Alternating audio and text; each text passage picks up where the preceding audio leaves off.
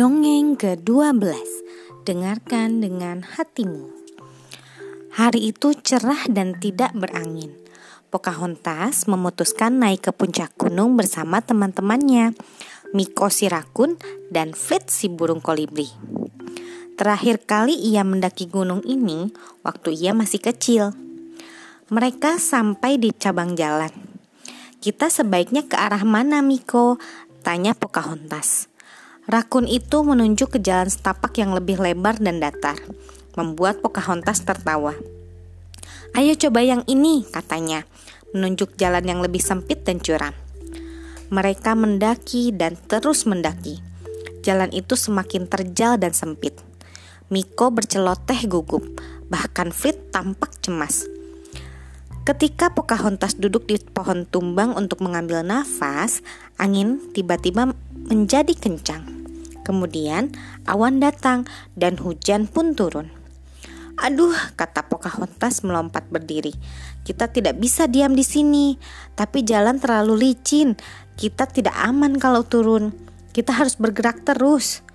Pocahontas tidak memberitahu Miko dan Fleet, tapi ketika air membanjiri jalan yang curam itu, ia jadi takut.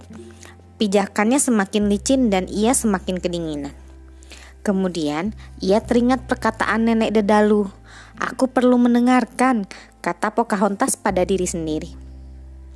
Aku harus mendengarkan roh-roh di sekeliling kita dan mereka akan menjaga kita. Ia mencoba mendengarkan, tapi sulit mendengar apa pun di tengah hujan yang deras dan angin yang menderu. Miko berceloteh gugup dan menempel pada Pocahontas. Aku harus mendengarkan dengan hatiku, serunya dan tiba-tiba ia pun mendengar mereka. Roh-roh berbicara padanya. Mereka memerintahkan agar mendaki lebih tinggi sedikit saja dan ia akan menemukan tempat berlindung.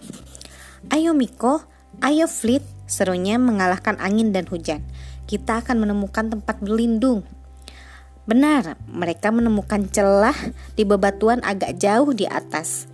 Di antara bebatuan itu ada gua kecil dan di dalamnya hangat serta kering. Mereka bertiga masuk ke gua dan duduk sambil mendengarkan suara hujan dan angin. Badai segera berlaru dan matahari pun keluar. Ayo, Pocahontas berseru pada Miko dan Fleet. Kita lihat pemandangan di puncak. Mereka bergegas menempuh sisa perjalanan hingga sampai di langkan yang lebar dan datar. Nun di bawah sana, mereka dapat melihat hutan dan lebih jauh laut biru yang berkilauan. Kau lihat Miko, lihat Fleet, kata Pocahontas. Kita melihat dunia dengan cara yang lain. Indah bukan? Dan bayangkan saja, ia berkata, lebih pada diri sendiri daripada teman-temannya. Seandainya aku tadi tidak memilih jalan yang belum ditelusuri itu, aku tentu tidak akan pernah mendengar roh-roh bicara padaku. Sekian, terima kasih telah mendengarkan. Selamat malam.